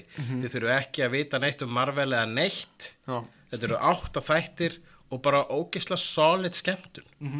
Ég er, að- ég er, ég er bókstæðlega að gera svona, svona hjarta með, með, með höndunum mínum hann Ævormann er að mynda hjarta með höndunum vegna þess að hann er svo skotin í Hailey Atwell mm. já, og bara Agent Carter og Agent Carter en, jötna, en síðan náttúrulega er Shitty Thing skýta skýta The Thing Já, City Thing þá áttu við hjá hann Tim Story Já, Shitty Thing hann, Thing. hann, er að Shield uh, Michael Chiklis já, frábær leikari og Sure. sko ok Er hann það sant? Já, hann fýll leikari ég man eftir honum í The Commish hann var Ekki skemmtilegur þar. OneNote, sant? nei, í Commish er hann voðalega svona vinalegu fjölskyldufæðir í The Shield er hann Hardas Ok, ég veit ekki neitt. frábær leikari Ok, nema hvað, jötna, að The Thing lítur út eins og ég veit ekki, hann svona gulur kúkur ok. þeir ákveða að fara í eitthvað svona bodysuit dæmi Já, þeir ákveða að gera hann ekki uh, uh, CGI. animatronic sem þeir hefðu átt að gera vegna þess að þú, þú, þú vildir ekki, þú frekar anima- animatronic heldur Það- CGI? það vill nefnilega svo til að ég sá eitthvað tíman eðna, svona behind the scenes á effektafyrirtæki Já, sem að sá svona, svona Jim Henson animatronic. já, en þeir gerðu sem sagt animatronic puppet dæmi Já, sem að eðna, þetta, er, þetta er sama effektafyrirtæki gerði Hellboy og svona já. og þeir voru búinir að búa til böst af honum Mm. sem að leit út eins og Kirby tekning Kirby-tekning, já. Það er sá þing sem við viljum sjá. Já, og málega er það, við erum að tala um evolveruð og svona kannski aðeins búið að nútíma veðarna, en hún leit út eins og the fucking thing. Þetta var bara frábær fucking útgáfa af the thing. Mm En jæna, en uh, nei, þeir ákvaðu vegna þess að þeir vildu að leikarinn gæti verið í my- myndrama og þú veist, það var eitthvað svona leikara shit Já, já, já, já. og mistök vegna þess að, að, að Hún er rosalega takki og uh, barnaleg þessi uh, bá- báðar Fantastic Four myndunar eftir Tim Story en uh, þar eru uh, meira faithful heldur nýjasta myndin þannig séð Mhm. en þar eru einmitt, ég, sko, ég hef aldrei hatað þær myndir vegna þess að Mér, ég hugsa bara, ó já, þetta er bara Fantastic Four fyrir börn, ok, verði eitthvað góðu börn, ég vonandi fæ að sjá fullorinsmynd eða alla mynd sem höfða til mín uh, eitthvað tíma á næstunni. En sko Ef þú horfir bara byrjun á, á, á Fantastic Four og The Rise of the Silver Surfer þeir, eru- það er hérna Jessica Alba er að leika Sue Storm og hún er með brúnaugu og dögt hár. Mhm. En þeir eru búin að setja á hana eitthvað mjög lélega hárkollu og bláar linsur. Voru, var það hárkolla, voru ekki bara búin að lita hann hárið, aflita það? Gæti hugsaðst þeir hafa aflitað á hana Já, hárið. það ja, þetta lítur samt mjög falskt út. Við heldumst að rugglaði við nýju sústorm Já. en bláar linsur til þess að fela að- að- að að- að hún er, er með ethnic ba background. Já. mjög vandræðilegt og þetta lítur mjög falskt út sko. síðan er atriði þar sem að þau svissa á Powers uh, sem sagt Johnny og Sue. Vegna þess að hann fær Varstu að horfa á báða myndirnar? nei, ég horfði bara á the Silver Surfer. Ég, ég horfði ekki eins og náðar, ég svona spólaði í gegn það En Silver Surfer er flottur í henni. Hann er flottur, já, Hann sko útlitslega er að bara nákvæmlega svona áður. Það er negla. En, En- aftur á móti en- fokkaður upp Galactus um Galactus geti ekki verið meira fuck up. Uh, og það er einmitt það sem að sko hér er málið. Að þorðu hvor, hvorki Tim Story nýja Josh Trank þorðu að ganga alla leið með þetta. Vegna þess að uh, ég finnst ef þú ætlar að gera góða Fantastic Four mynd þá finnst mér að hún ætti að vera perjóta sem gerist í the 80s mm. og ætti bara svolítið að byggja þetta á sko John Byrne þegar John Byrne var að, að tekna og skrifa Fantastic Four. Mm. fara bara þangað og ekkert fara í felur með að hvað þú veist, ekki reyna þú veist, það var nefnilega sem Josh Trank reyndi að gera. Hann reyndi að gera Dark Knight útgáfu af Fantastic Four sem að meika bara ekki sens þess að Fantastic Four er fjölskyldudæmi. Já. og það sem er meira er sko þeir þú, þú veist það sem hægt er að slóðirna sem hægt er að taka Fantastic Four er ekkit ósvipað slóður og, og er farið með hérna Doctor Who. Það er að segja að taka vísindi á svona rosalega hyper level svo mikið level að jafnvel sem myndu kalla það fantasíu. Mm. Fantastic Four er kosmisk kosmisk serja og ætti að vera það? Já, og það er nefnilega þess vegna kaupið maður það þegar maður les Fantastic Four að það er til risastór ri, galaktusi til sem er risi klættir í bláan og fjólubláan búning og hans eini tilgangur er að borða plánutur eins bjánarlega hljómar og virkar það innan Fantastic Four myndasagnana og það er alveg hátt að láta, láta það virka í live action. Hafi maður hugmyndaflöð uh, case in point Thor sem að einmitt ma ma þegar maður heyrði að eitthvað ætlaði að gera Thor þá hugsaði maður svo hvernig ósköpunna ætlaði að gera það? Ó, þeir ætla bara að taka það alla leið. Mm. Og það sem er hefði átt að gera með Fantastic Four. Það sem að hann Trank hugsaði er að hann ætlaði að búa til eitthvað svona krónenbergíska hálgerða hryllingsmynd úr þessu. Body horror. Body horror sem að sko Mr. Fantastic er ákveðin body horror. Það er atriðið þarna það sem hann liggur á bekknum og er tegður í, í e, fjóra sittkora áttir þarna með útlímuna út um allt. Það er fríki atrið og pínu flott. Já. Ég fekk svona, ég var ekki, er, er með að misminna að voru svona, svona, svona hljóð eins og hérna Tooms þættinum af X-Files. Uh, jú, það örgulega þú veist, það var allavega hann, þú veist, þeir ákvað að fara þá leið og, og sko, og jafnvel hefði svo mynd virkað einhver leiti, hefði þeir fara allir leið með það, nema það var augljóst og það geti ekki verið augljósara það er svo mörg atriði í nýju Fantastic Four þar sem að sér að, að framleiðendur er að rífast við leikstjóran -hmm. en Síðan hérna rekaður hann og uh, síðan bara takaður upp nýjan þriði akt. Ég taka nýja því að sem að verður sem að er mitt bara svolítið meira eins og Tim Story allt í hennu er eins og Tim Story sé að þessu vegna þess að allt í hennu breytist úr bara svona úr ykkur svona geðveikt existentialísku svona sársauka drama yfir í Oh, we can't we can't fight Doom individually but together we are strong. Og breytist það í eitthvað svona astnilega teiknumynd sko. Ég ætla reyndar, sko, og svo bara svo vantar allt action í þetta og við getum talið upp allt sem er aðeins Það eru- og ég ætla að taka aftur það sem ég sagði síðast. Mér finnst Doom ekki flottur. Nei, hann er ég er komin, aftur, ég er komin í tittlið hann er glataður í þessari mynd. Mér finnst pínu flott atriða sem hann lappar um gangana og sprengir hausana og öllu sem að tókst eftir því samt að augun hans voru pínur rángið í því aðrið. Uh, nei, ég var alltaf upptekið að fylgjast með springandi hausum það er bara eitthvað þarna. við springandi hausa Það, það, en það er samt, skilur, hann er svolítið að kópra sjálfan sig í Chronicle með það, það aðriði. já, en sko, talað Eitt, um eitt trang reyndar, eitt reyndar. Það eru tvær byrtingamyndir af Fantastic Four sem eru miklu, miklu betri en þetta. Og það er hérna Fantastic Four útgáðan, hérna The Impossibles í Venture Bros þáttunum. Mhm. Það sem að hérna, Richard Impossible, sem að í fyrsta skipti var voisaður af Stephen Colbert, er með fjölskylduna sína einhvern veginn í, í, í, í hlekkjum í The Baxter er Building útgáðu af þetta er því. af Já. Fantastic Four, já og þar var The Hu- Human Torch útgáfa þar sem var bara stöðut brennandi og fann fyrir sásökunum Já, hann, hann leið eins og hún var, Já. var að brenna The Thing var eitthvað svona blob sem að, sem að fann fyrir stöðum sásöku og var rúð geðvegt og þroskaheft Mm. og uh, Invisible Woman var sem sagt það bara varð ósynlegt ytralagið á henni þannig að þú sást yðrin í henni. Já, það er mér fyndið. Síðan hitt uh, The Invisibles.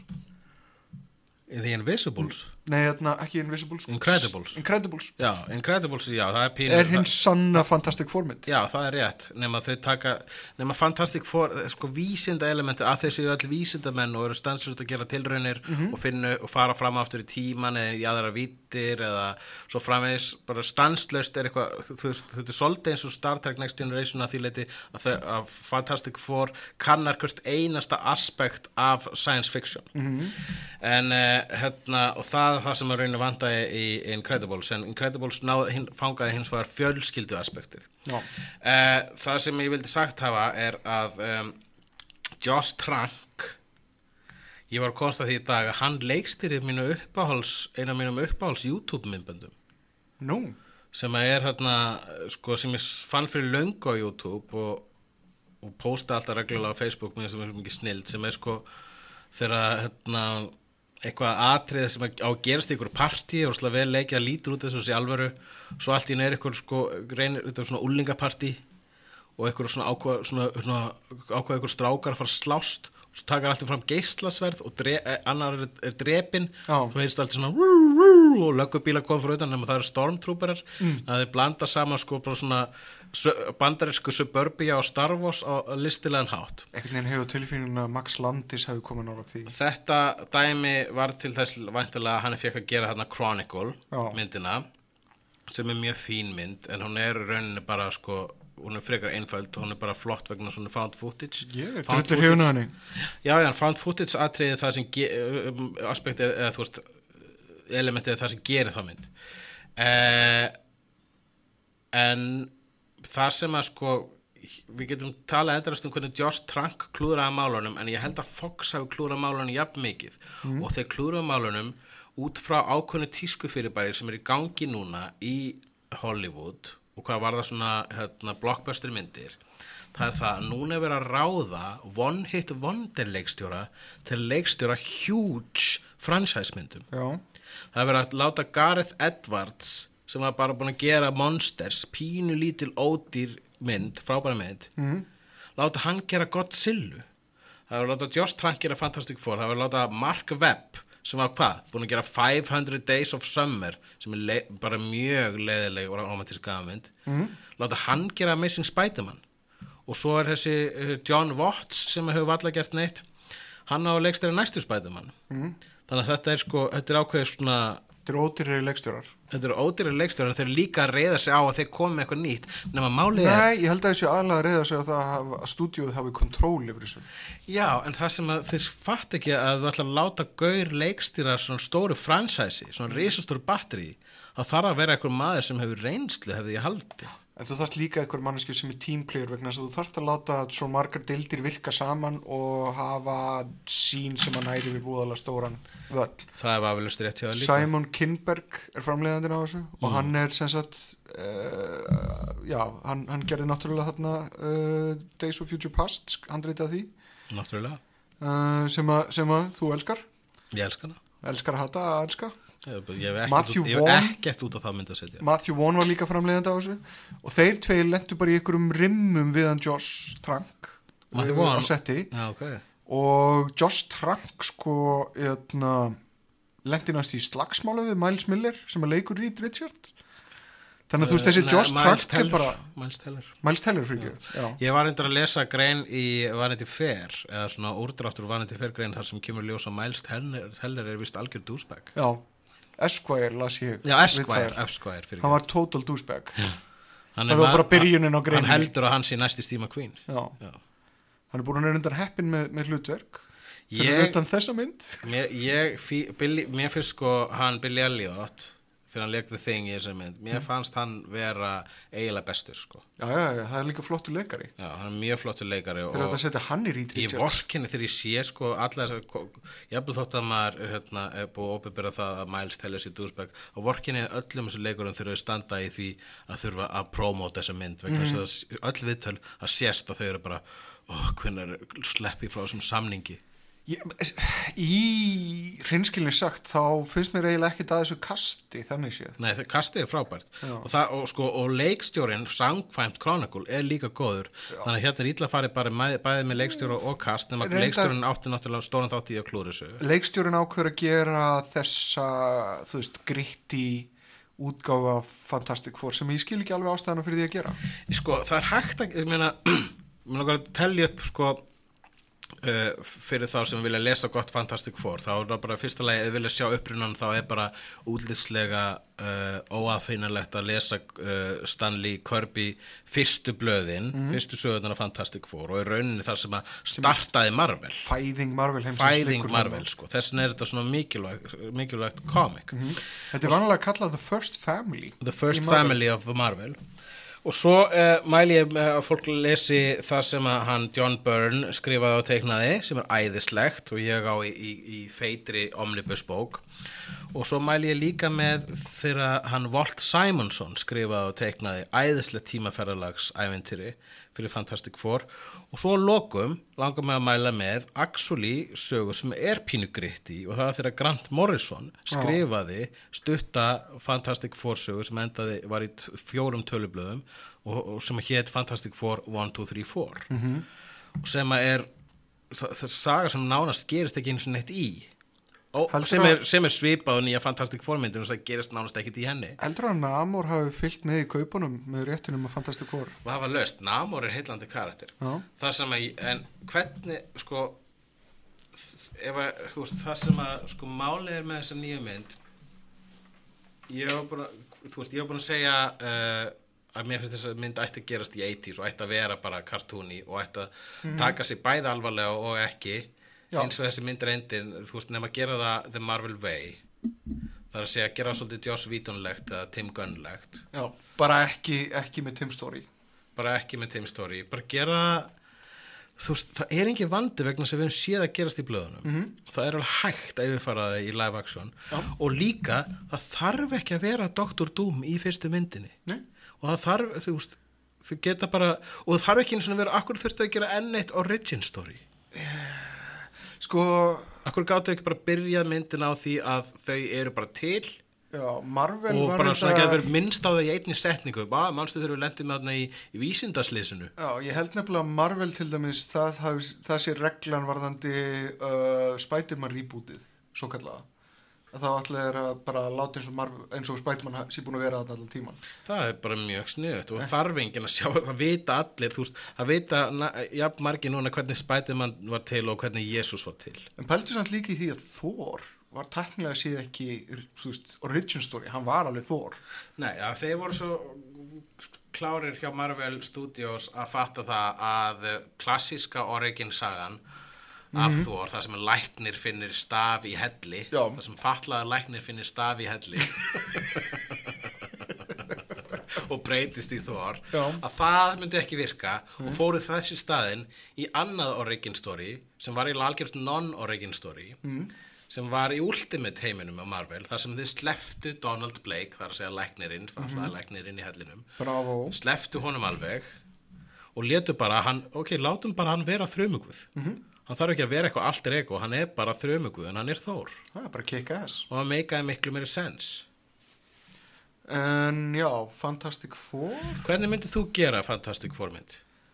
Ég myndi, ég, ég er svolítið hrifun að einmitt þessari nálgun sem þú ert að tala um að láta þetta vera perjóða, leifis að vera svolítið svona silly og eitthvað svona. Uh, En á líka leika sér, tíma- einmitt, eins og ég var einmitt að tala um þetta með Doctor Who elementið, Já, að, að, að taka alvöru sko svona filosófískar, metafísiskar sci-fi hugmyndir og brúka þær, vegna það er það sem er gert í þessum myndasögum. ég var svolítið hrifun af því að Max Landi sem að skrifaði handritaðu Chronicle og var vinunars Joss Trank þar til að þeir eru greinilega eitthvað, eitthvað farnir að elda grátsilu saman þess að, að, að það er ekki mikill vinskapu með þeim hann skrifaði vist Fantastic Four handrit og hendi á Twitter fyrstu fjórum síðunum úr því handriti. Já, og það er í grunnatriðum bara löggur og læti fyrir utan eitthvað svona lítið, bæl, eh, lítið svona bíli eða, eða hlöðu sem að heitir The Richards Barn. Og þeir eru með einhverja megafóns að segja skilur þú veist, við erum vinsilegast að, að, að fylgja lögum um geimferðalög og bla bla bla. Og meðan heyrum við bara í karakterunum fjórum tala saman sín og milli í einhverja hátalarkerfi. Og uh, karakterinir skína í gegn og eru frábærir. Johnny Storm er alltaf að gera lítið úr Reed Richards er pínu lúðalegur Ben Grimm er svolítið svona fókuseraður og Sue Storm einhvern veginn dreifur þetta allt saman. Sem svona, þú veist vendara típa og síðan enda þessar fjóra síður á því að, hérna, að þetta að veggirnir á hluðinni falla til hliðar og geimflug búin til úr bodyin og Buick svífur upp í heiminn svífur í geiminn sko.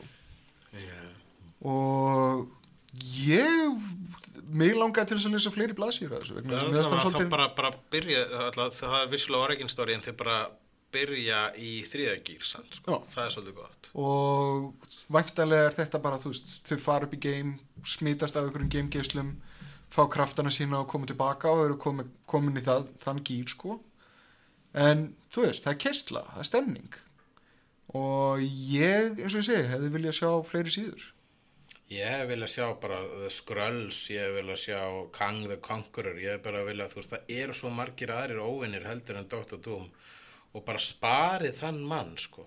Hversin ekki bara, hversin ekki bara gera Dr. Doom bíómynd? eru fantastik, eru þeir með skröll var það vesenið þess að gerðu þeir hérna krí eða hvað þetta hétt Já, nei, Kree og Skrull War er, er, hérna, Kree og Skrull eru tveir mismunandi geimveru ættbólkar í Marvel heiminum en þeir byggu til eitthvað sem heitir Chitauri Já. fyrir eh, Marvel Cinematic Universe líklega vegna þess að Skrull var í eigu uh, Fox, þannig að Skrull er svolítið mikill hluti af Fantastic Four mítunni en Uh, mér langar til að við erum að tala núna um sem sé hversu mikið drasl Fantastic Four var. Og það er ástæði fyrir því að það er svo gaman að tala loksis um léla og ofuröldumynd mm. það er langt sem við fengi svona léla og ofuröldumynd Já, og þetta er og það er einstaklega búið að vera bara alveg sumar af, meira þess að sko það er myndir sem voru ekki eins og það góðar voru svolítið góðar síðustu ár. Þannig að Hver er síðasta svona virkilega slæma ofurhugmyndi fyrir utan Fantastic Four? Já, ég, ég held að síðasta slæma á undan þessari hafi verið Wolverine hérna, The Wolverine, það segja Wolverine 2 Ok, og uh, svo getum við talað upp sko, það er Elektra og Daredevil og, og Ghost Rider og Ghost Rider og uh, Catwoman náttúrulega. Og svo er þetta að telja upp við ætlum að fara aftar hérna í Batman Forever og Batman Robin. Já, uh, The Spirit. The Spirit náttúrulega, ó, hún er svo æðisleg. Ég var alltaf að tvísvar. Hún er Green- phenomenally slæm. Var samt ekki Green Lantern síðast og svona slæma tilraunin? Uh, Green Lantern koma undan Wolverine. Er Það, Já, ég man ekki eftir henni í tí tímaröðinni. Hún koma undan Wolverine 2 allavega sko. Ok, Green Lantern er rosalega slæm en ég man að ég, naut hennar. Síðan er X-Men The Last Stand. Já, hún hafði samt góða spretti. Það var eitt og annað meina, þegar hann flippar truknum hann Magneto í X-Men Last Stand. Mhm. Og líka, mér finnst að Juggernaut atriði þegar hann hleypur í gegnum veggina og eftir Ellen Page aðeinslegt og það er líka Ellen Page með sitt power þar sem hann hleypur í gegnum veggi Mhm. sem er hennar power ekki að senda fólk aftur í tíma Ég er reyndar í þarna, já, mér finnst þetta Catwoman allra vest á ofurhugmyndin Já, en hér er nefnilega málið. Uh, hún, þessi mynd, Fantastic Four, nýja, eftir Josh Trank, mm.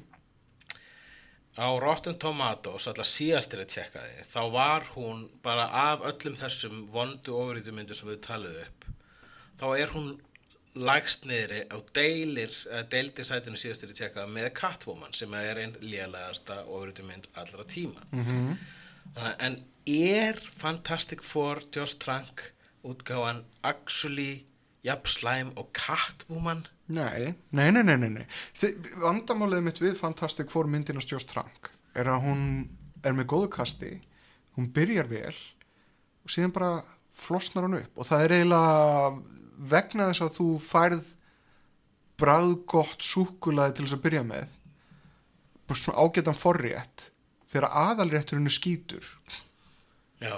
þá bara þá, þá, þá, þá gleymir þú því góða Já, það er nefnilega, bara ég, svona verður sterkari upplifun en óana, óanæginni það var með Fantastic Four, hún actually byrjar rosalega vel og s- spennandi.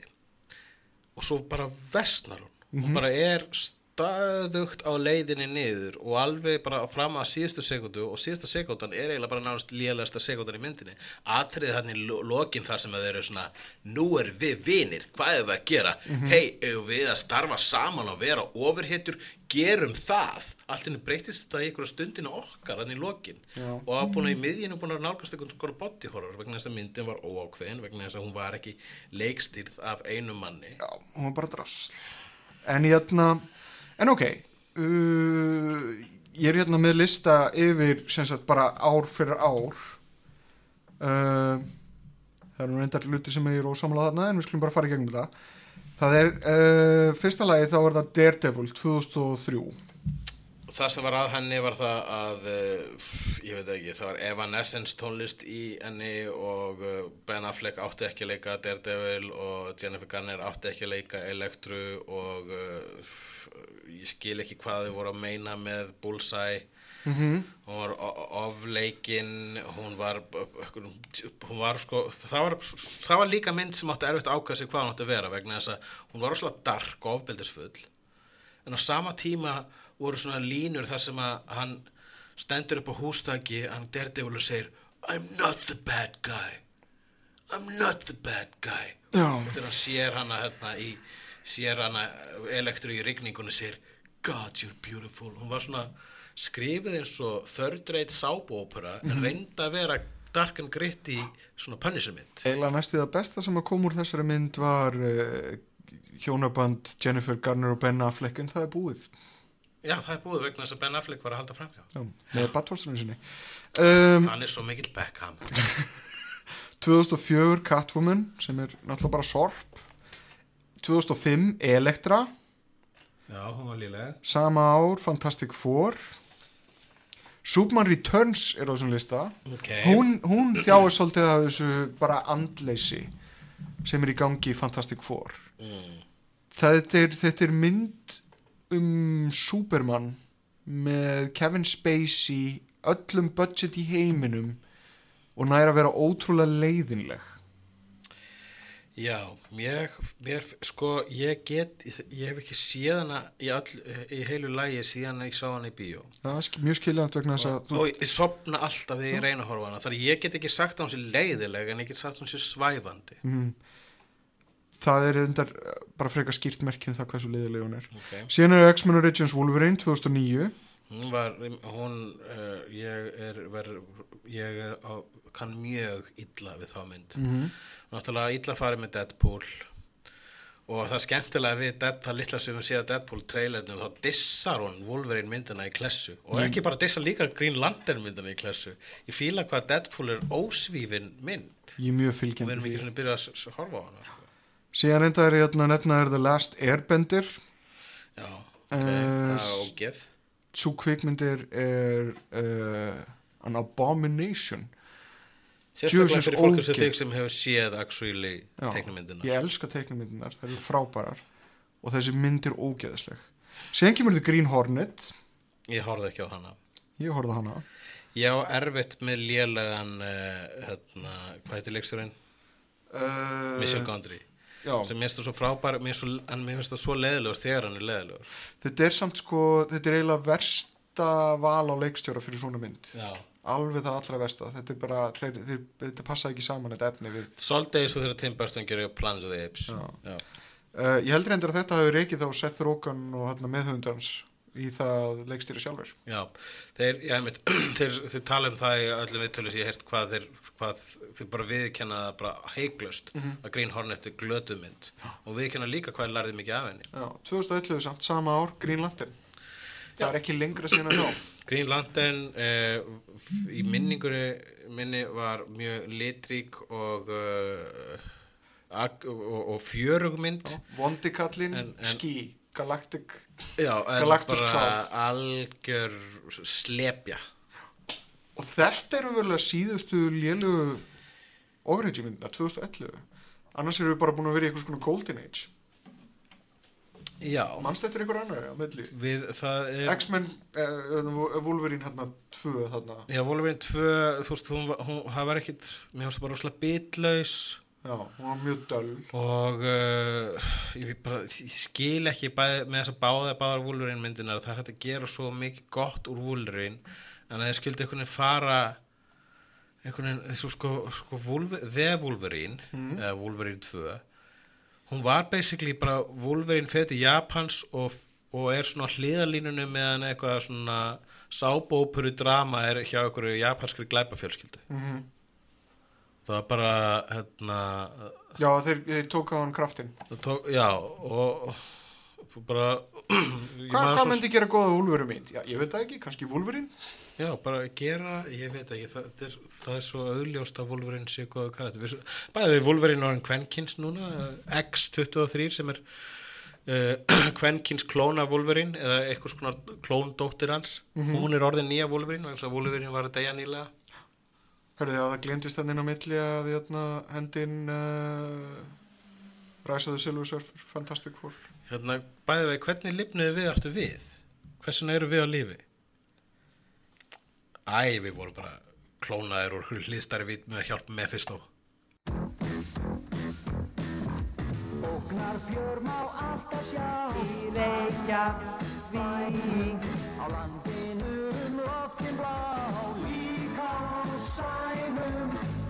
Hættur og háski Látur og gáski Heflendur Í Reykjavík Heflendur Í ævintýrum lendast þess Heflendur Heflendur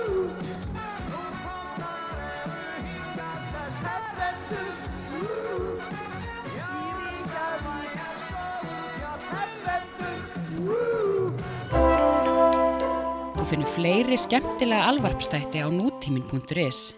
Takk fyrir að hlusta.